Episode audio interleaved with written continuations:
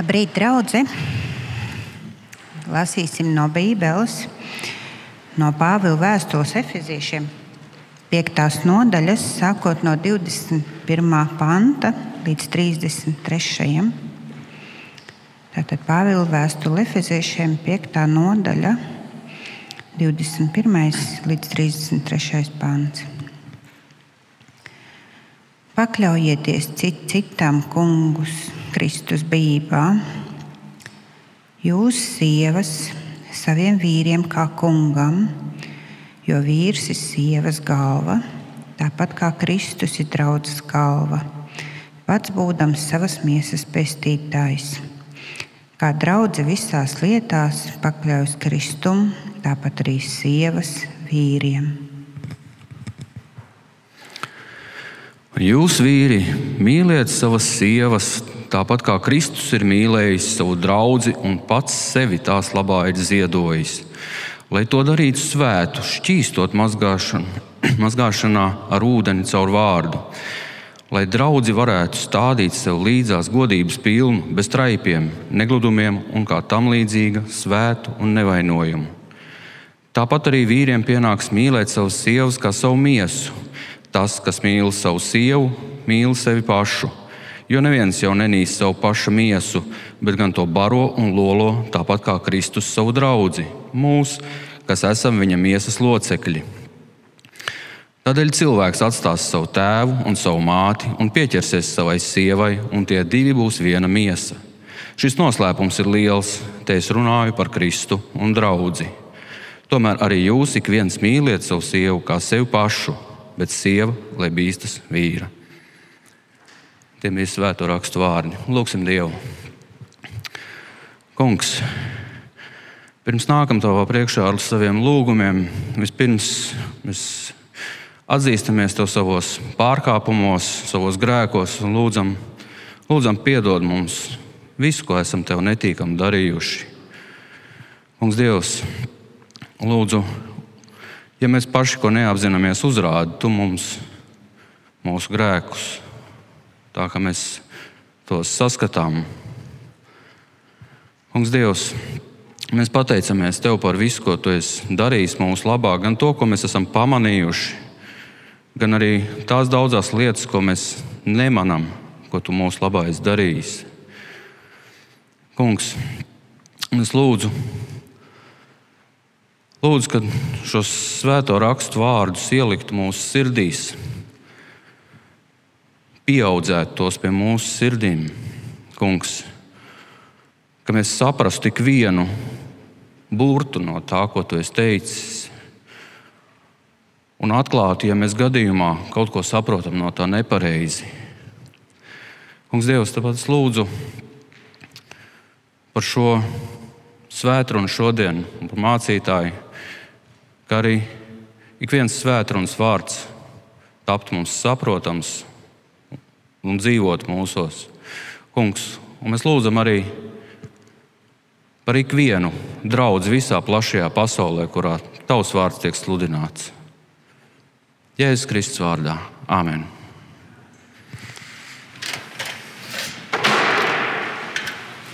Mēs.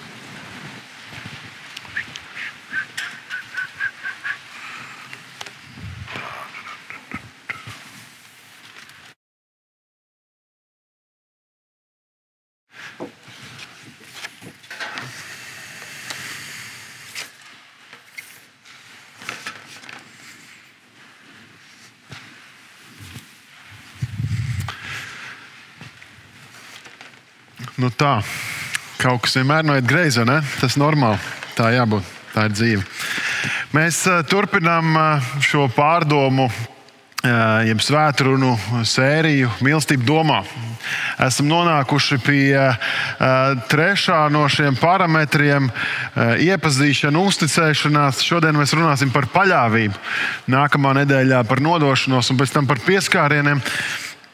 Un, eh, un paļaušanās vienam uz otru ir izšķiroša mūsu attiecībās, mūsu laulībā, eh, mūsu ģimenes dzīvē, eh, draudzes dzīvē, darba kolektīvā, arī mūsu attiecībās ar Dievu.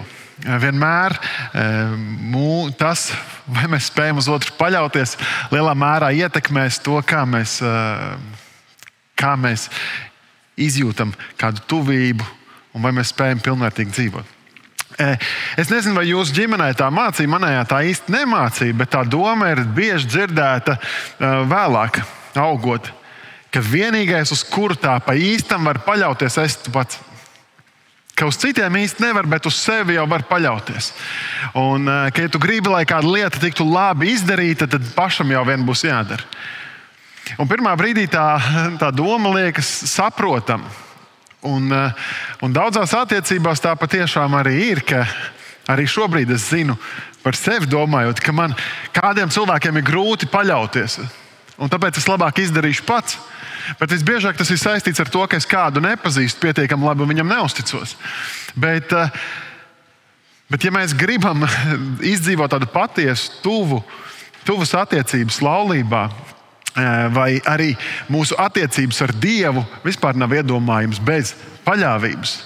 Ja paļāvība ir, ir stipra zemā līmenī, mūsu attiecības ar Dievu stagnēs, vai tās pat nebūs vispār. Salamans, ķēniņš Salamans savā pamācību grāmatā, trešā nodaļā, raksta, paļaujies uz to kungu no visas sirds un nepaļaujies uz savu prāta gudrību. Tā tad eh, pilnīgi pretēja doma tam, kas eh, tiek izteikta, um, kas tiek izteikta šajā teicienā, ka jāpaļaujas tikai uz sevi. Un, un reizēm Mēs esam tādā pārāk lielā pašpaļāvībā, neusticot, neusticoties citiem, neuz, nepaļaujoties uz citiem.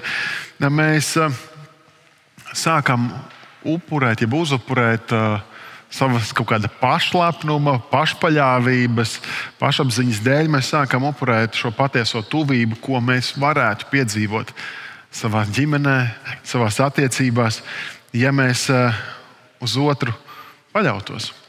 Reizēm mēs eh, pārāk fokusējamies uz sevi.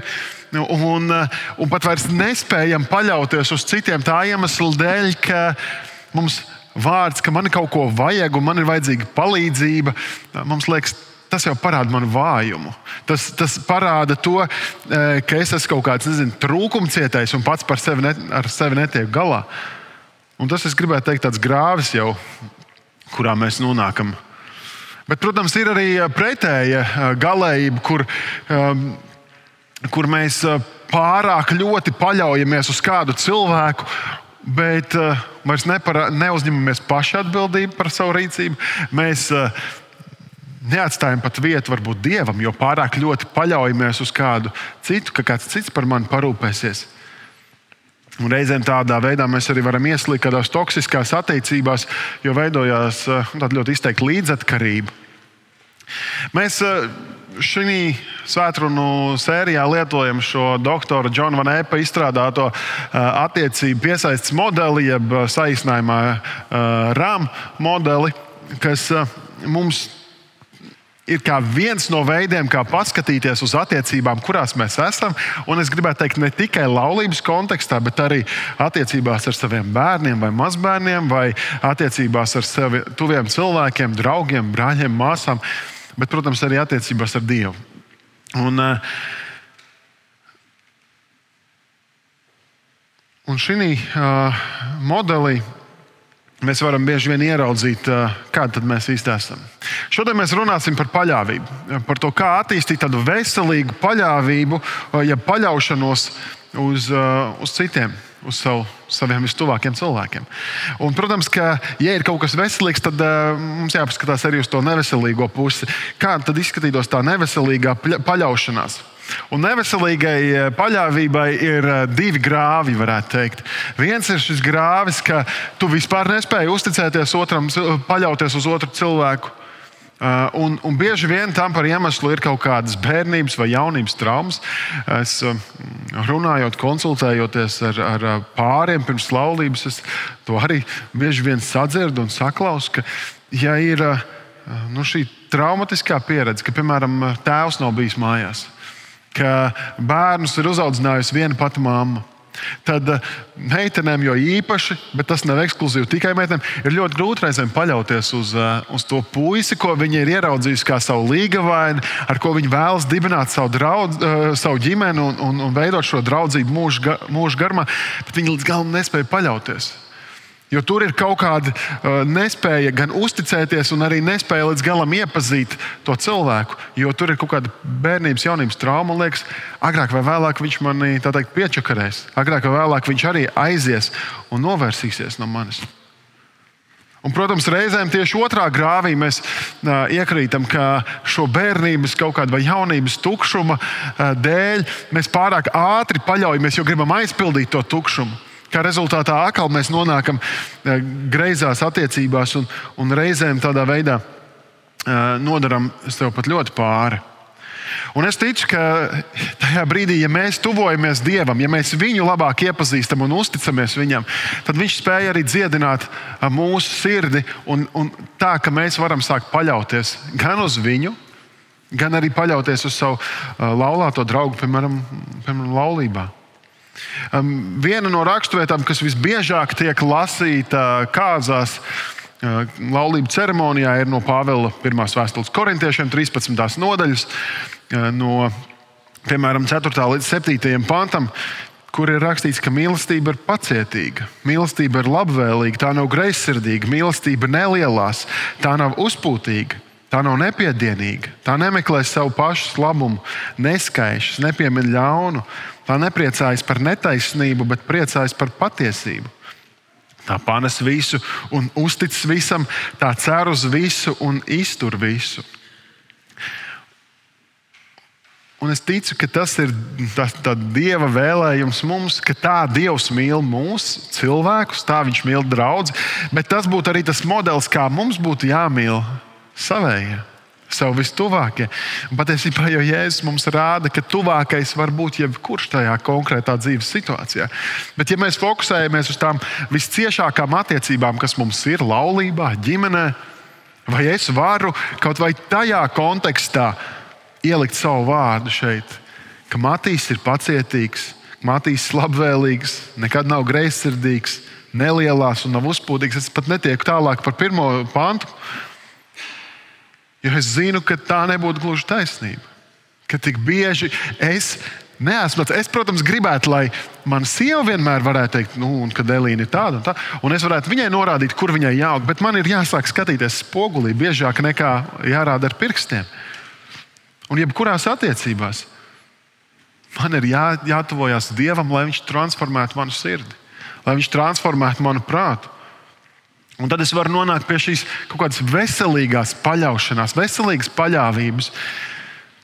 Un es ticu, ka Dievs vēlas, lai mēs attīstam šo paļāvību, lai mēs pieaugam šajā parametrā, lai arī kur mēs sevi ieraudzītu. Es, piemēram, nespēju paļauties, ka kaut nedaudz mēs spētu vairāk paļauties.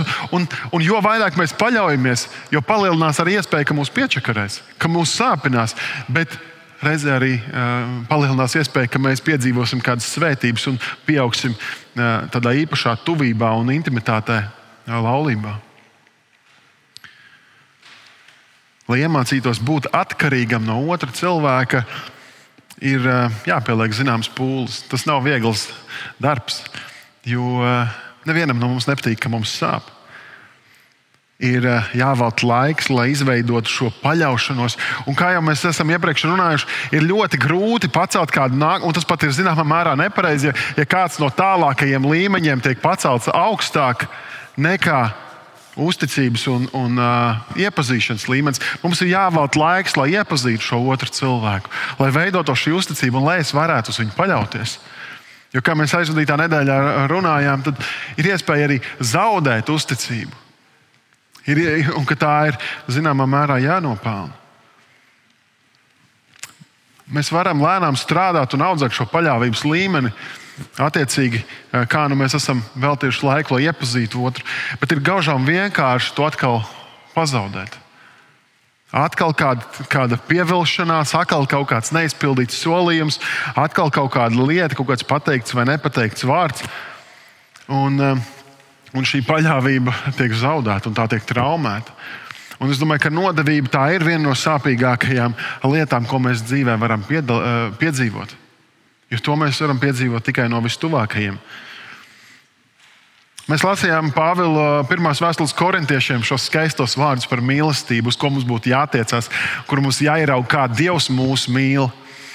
Bet, uh, Bet Pāvils tos raksta eh, nevis tikai laulības kontekstā, viņš tos raksta draudzē, viņš tos raksta lielākai cilvēku grupai. Un to mēs redzam eh, tajā nodaļā, kas ir tieši pirms šīs 13. nodaļas. Pirms viņš ir rakstījis par to, kā izpaužas mīlestība, viņš runā par draugu un viņš salīdzina to ar ķermeni.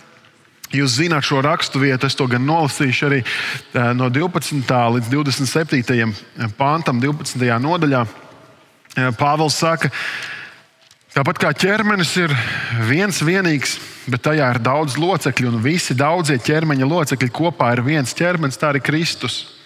Arī mēs vienā garā kristīti, lai visi būtu viens ķermenis, vai jūdi, vai grieķi, vai vergi, vai brīvie, un ar vienu garu mēs visi esam dzirdināti.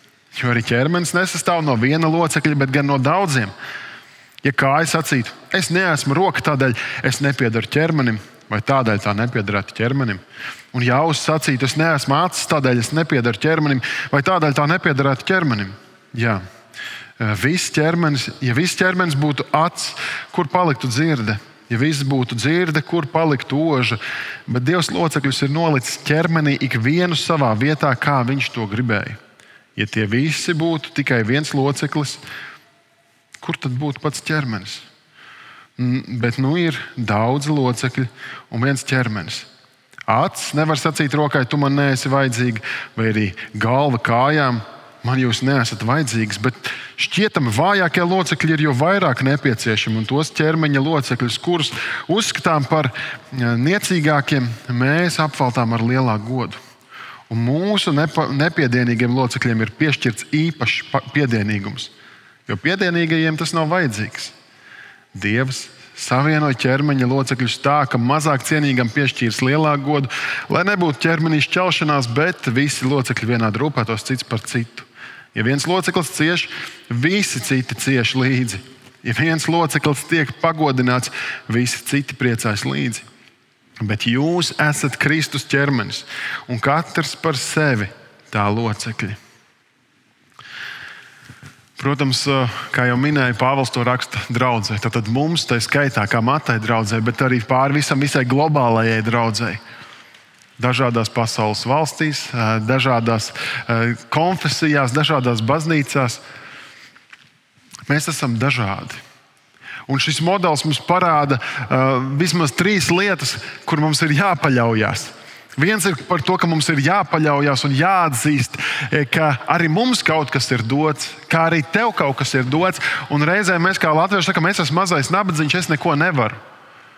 Bet jo īpaši laulībā, jo, jo īpaši attiecībās, Tu nevari būt tikai saņēmējs. Tu vienmēr esi kaut kas, ko tu vari dot. Ir iemesls, kādēļ eh, tavs eh, vīrs tevi ieskatījās un tevi bildināja. Ir iemesls, kāpēc eh, tā meitenei tas puisis iepatikās, kāpēc viņa atsaucās šim aicinājumam, veidot attiecības. Ir iemesls, kāpēc darba kolektīvā tu esi. Ir iemesls, kāpēc Dievs tevi ieaicināja savā draudzē. Tas nozīmē, mums jāatzīst, ka nevis es esmu mazais nabadzīgs un es neko nespēju, bet arī man ir kaut kas vērtīgs, ko es varu dot. Un varbūt es to neesmu līdz galam sapratis un aptvēris, bet katrs ir vērtīgs. Katram ir kaut kas būtisks citu vajadzību apmierināšanai. Otra tā lieta ir eh, arī paļauties un atzīt, ka kādam citam ir kaut kas būtisks, kas man ir vajadzīgs ka es neesmu spējīgs izdarīt visu viens pats. Un reizēm es varu izdarīt kaut ko, bet īstenībā man tas nebūtu jāizdara vienam pašam. Ka būtu kāds cits cilvēks, kurš daudzkārt ātrāk, un vienkāršāk un labāk to varētu izdarīt. Un viņam tas nesagādātu it nekādas problēmas un izaicinājumus. Un trešais, protams, ir, ir tajā, ka paļaušanās ir saistīta ar savstarpēju atkarību ka uh, mēs šajās savstarpējās attiecībās apmierinām citu, citu kaut kādas vajadzības. Un tas nenozīmē tikai kaut kādas iegribas, bet būt, būtiskas vajadzības. Es atceros vienu no, vienu no saviem pirmajiem darbiem, kas bija interesants un labs darbs, braukāt pa dažādiem uh, objektiem, veikaliem, pārliecināties, ka viss tur ir kārtībā. Un es sapratu, ka tas darbs nav man, jo man gribējās to interakciju ar cilvēkiem ka man vajadzēja būt citā vietā. Cits cilvēks būtu sajūsmā, viņam nevienam nav jārunā. Viņš vienkārši izdara savu darbu un viss ir apmierināti. Kaut kur mums jāsaprot, varbūt es daru nepareizās lietas. Arī attiecībās ģimenē kaut kur mēs uh, varbūt jūtam, ka uz mani nevar paļauties, bet varbūt, ja mēs samainītu atbildības mājās, daudzas lietas aizietu raitāk. Savstarpēji paļaušanās, ir, tas ir tāds uh, līdzsvars starp to, ko jūs dodat, to, ko tu spēj dot attiecībās, un to, ko otrs spēj dot. Ja, uh, ja viens ir tikai ņēmējs un otrs tikai devējs, tad, tad tie svaru kausi ātri vien nosvērsies nepareizi. Un otrādi, ja tu esi visu laiku tikai ņēmējs, un tu, domā, tu, tu baudi, ka tevi apčubina un par tevi rūpējas, visdrīzāk arī no tevis ir kaut kas sagaidīts, ka tev ir jādod pretī. Īpaši jau laulībā un draudzībā mēs to redzam. Arī attiecībās ar bērniem, mazbērniem. Šī paļaušanās ir šo savstarpējo vajadzību apmierināšana. Protams, mazs bērns varbūt vecākam nevar dot neko pretī konkrētajā brīdī. Bet vienalga tā ir otra vajadzība apmierināšana no vecāka puses tajā brīdī. Ja mēs runājam par laulību, tad es nolasīšu kādu fragment no uh, autors Juditas Zīgeles grāmatas. Um, What children learn from their parents' marriage. Ko uh, bērni iemācās no vecāku laulības. Un, uh, un tieši viņi runā par šo savstarpēju atkarību. Viņi saka apmēram šādi: Laulībās, kurās netiek piedāvāts savstarpējs atbalsts, partneri ir vīlušies viens otrā un uzskata, ka viņiem vispirms ir jārūpējas par sevi. Un viņi tur mazliet turpina skaidrot, ka savstarpēja atkarība ir eh, veselīga attiecību komponente, un viņi arī uzskata, ka, mm, ka spēja sniegt un saņemt atbalstu ir veiksmīgas laulības pamatā. Protams, eh, tas ir, tas ir šis autors viedoklis un, un skats, bet tajā pašā laikā mēs esam ģimenē viens otram vajadzīgi. Lai parūpētos nevis tikai par sevi, bet lai otru liktu augstāk, lai otru ieliktu tajā, tajā lomā, kur es viņam varu kalpot, kur es viņu varu iepriecināt, kur es varu apmierināt kādu viņa šī vajadzību. Otru autoru jūs zināsiet labāk, doktors Gerijs Čepmans. Viņa ārkārtīgi labi pārdotā un populārā grāmata Piecas mīlestības valodas viņš, viņš runā par šiem pieciem emocionālās mīlestības valodas izpausmēm, kuras ir svarīgas, kuras ir nozīmīgas. Un, un, un viņš varētu salīdzināt tā, ja mēs aizbrauktu mazā ekskursijā uz, uz Igauniju un aizietu uz kafejnīcu, mums ļoti garšo tas ēdiens, kas tur ir, un mēs paaicinātu pavāru kaut kādā veidā un sāktu latviešu viņam skaidrot, cik labs bija ēdiens. Un brīnītos, ka viņš līdz galam nesaprot. Tāpat arī uh, dr. Garis Čepmans saka, mums katram ir mīlestības valoda, kādā mēs izpaužam mīlestību visorganiskāk un labāk, un kā arī mēs to uztveram. Un viņš saka, mums ir tik svarīgi palūkoties mazliet pāri tam savam egoistiskajam skatījumam un ieraudzīt, kā es varu runāt otrā mīlestības valodā, kā es varu viņu iepriecināt tajā brīdī. Un, un, uh, Garijs Čepmans izšķir šīs piecas valodas. Viņš saka, ka viena ir šī atzinības vārdi, jeb komplimenti pateikt, nezinu, gan ka tu labi izskaties, gan ka kaut kas sanāca labi. Vienkārši pateikt šos vārdus. Otrs ir kvalitīvi pavadīts laiks. Tas ir nevis vienkārši sēdēt pie televizora un skatīties seriālu, bet, bet patiešām fokusēties vienam uz otru. Būt tajā mirklī kopā, nevis tikai līdzās. Trešais ir, protams, arī dāvāns. Dāvāns ir laba lieta, kur tu vari vienam otram pateikt, es zinu, kas tev rūp, kas tev interesē, kas tev patīk, un es par to padomāju, kamēr mēs nebijām kopā, to nopirkt, varbūt iesaiņoju. Tam nav jābūt obligāti ļoti lielam kaut kam, tas var būt kaut kas mazs. Ceturtā ir lieta, kalpošanas darbi. Kad tu ieraugi kādu vajadzību un to vienkārši īsteno un, ap, un izdara to darbu. Kā, kā man sieviete mēdz teikt, kamēr netīrie trauki ir izlietnē, tu vari man neteikt, cik ļoti man mīli. Un, un piektais ir šie fiziskie pieskārieni. Citam, cits nejūtas mīlēts, kamēr viņš nav apskauts. Kamēr, kamēr viņš nav sajūtas, ka kāds ir gatavs man, man pieskarties un pieglausties. Un, Pāvils Vēstulē Efeziešiem viņš runā par sievām un vīriem, un šo rakstot mēs jau lasījām uh, pirms svētdienas, bet, bet tie pirmie vārdi no 22.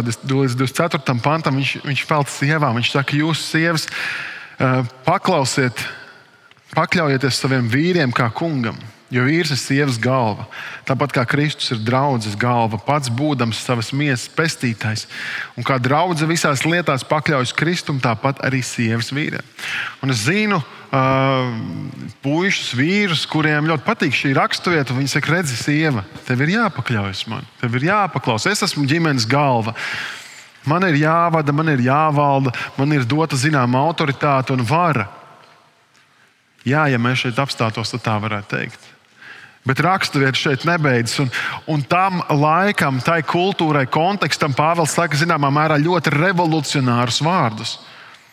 Viņš turpina no 25. pānta. Viņš saka, jūs vīri mīliet savas sievas tāpat kā Kristus ir mīlējis savu draugu un pats sevi tās labā ir ziedojis lai to darītu svētu, šķīstot mazgāšanā ar ūdeni, caur vārdu, lai draugi varētu stādīt sev līdzās godības pilnu, bez traipiem, negludumiem un kā, kā tam līdzīgi, svētu un nevainojumu.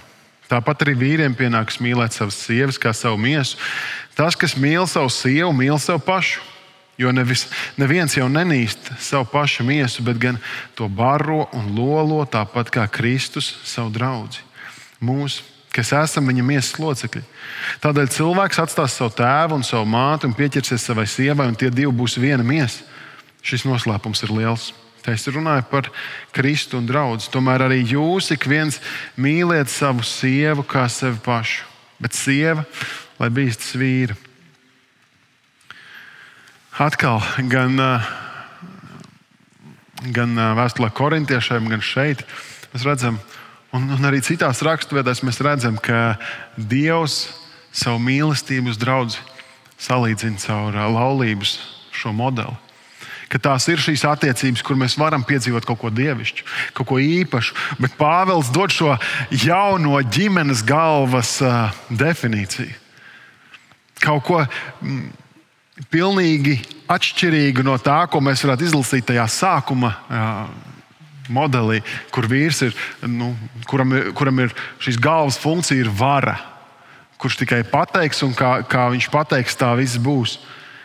Nē, Pāvils parāda, ka uh, veselīga paļaušanās tādās tuvās attiecībās uh, nerunā par varu. Ka runa ir par šo spēju uzupurēties otru labā. Ka tas nozīmē kalpot otram ka tas nozīmē līdzīgi kā Jēzum spēt iestāties par otru. Mēs pavisam drīz baudīsim vakarēdienu, kur, kas atkal mums atgādina par to, kā Jēzus deva savu dzīvību par tevi, lai tu varētu dzīvot, lai tev varētu tikt, tikt piedots.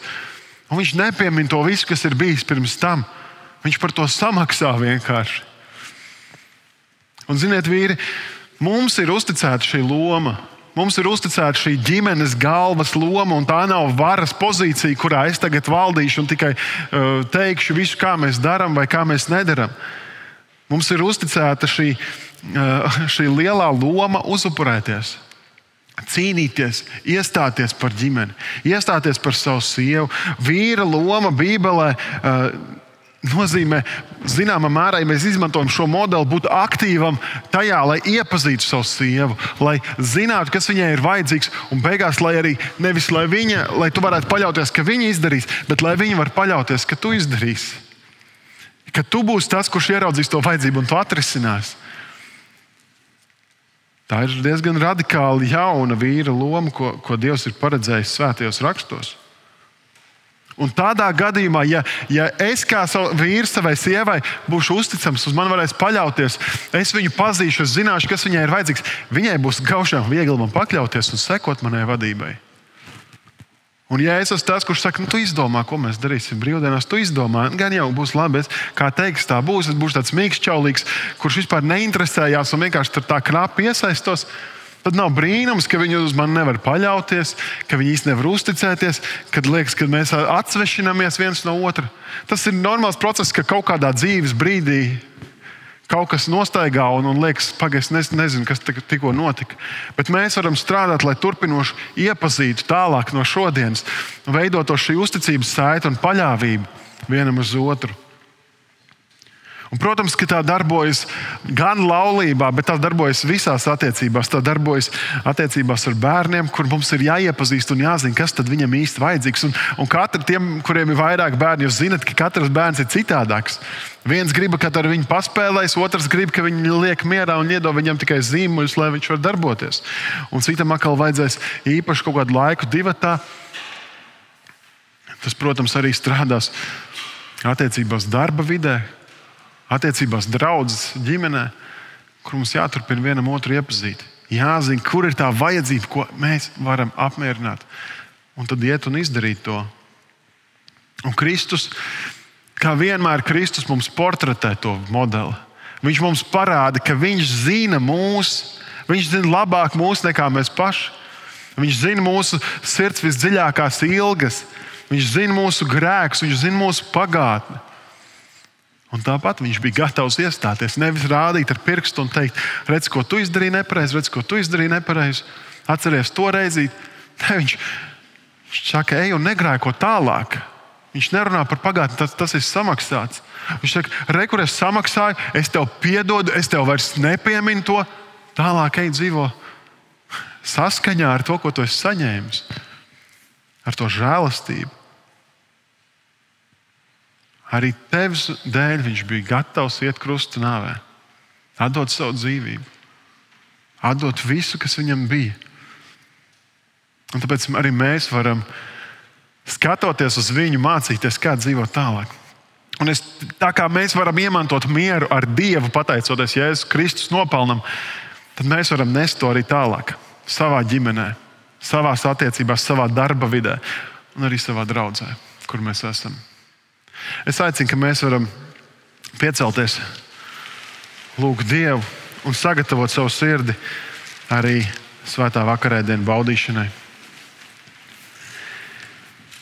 Dzīvēs Dievs, es tev pateicos par to, ka tu atdevi savu dzīvību par mani, ka tu atdevi savu dzīvību par mums, ka tu piedod mums mūsu pārkāpumus un grēkus un nepiemini tos. Paldies, Tev, Jēzu, par to, ka Tu mums rādi, kā mēs varam arī veidot veselīgu un labu vīdi savā ģimenē. Ka mēs varam pagodināt Tavu vārdu, ka mēs varam nest svētību, ka mēs varam paļauties uz savu sievu, uz savu vīru, kungs, bet rāda mums, kur, kur mums ir jāpieaug tajā paļāvībā, ka uz mums var paļauties. Kungs, Jēzu! Es tev pateicos, ka tu nevis tikai moralizē un rādi ar pirkstu, kā vajadzētu, bet ka tu parādi ar, ar rīcību, ka tu kalpoji, ka tu mazgāji kājas saviem mācekļiem, ka tu neliki viņiem pašiem nest savu grēku nastu, bet nesi to viņa vietā. Paldies tev par to! Paldies par dzīvību! Paldies par jaunu nodaļu mūsu dzīvē, ko mēs varam svinēt ikdienas, ka varam saukties par taviem bērniem. Kungs, Jēzu, paldies Tev! Tavā vārdā to lūdzu un par visu pateicos. Amen!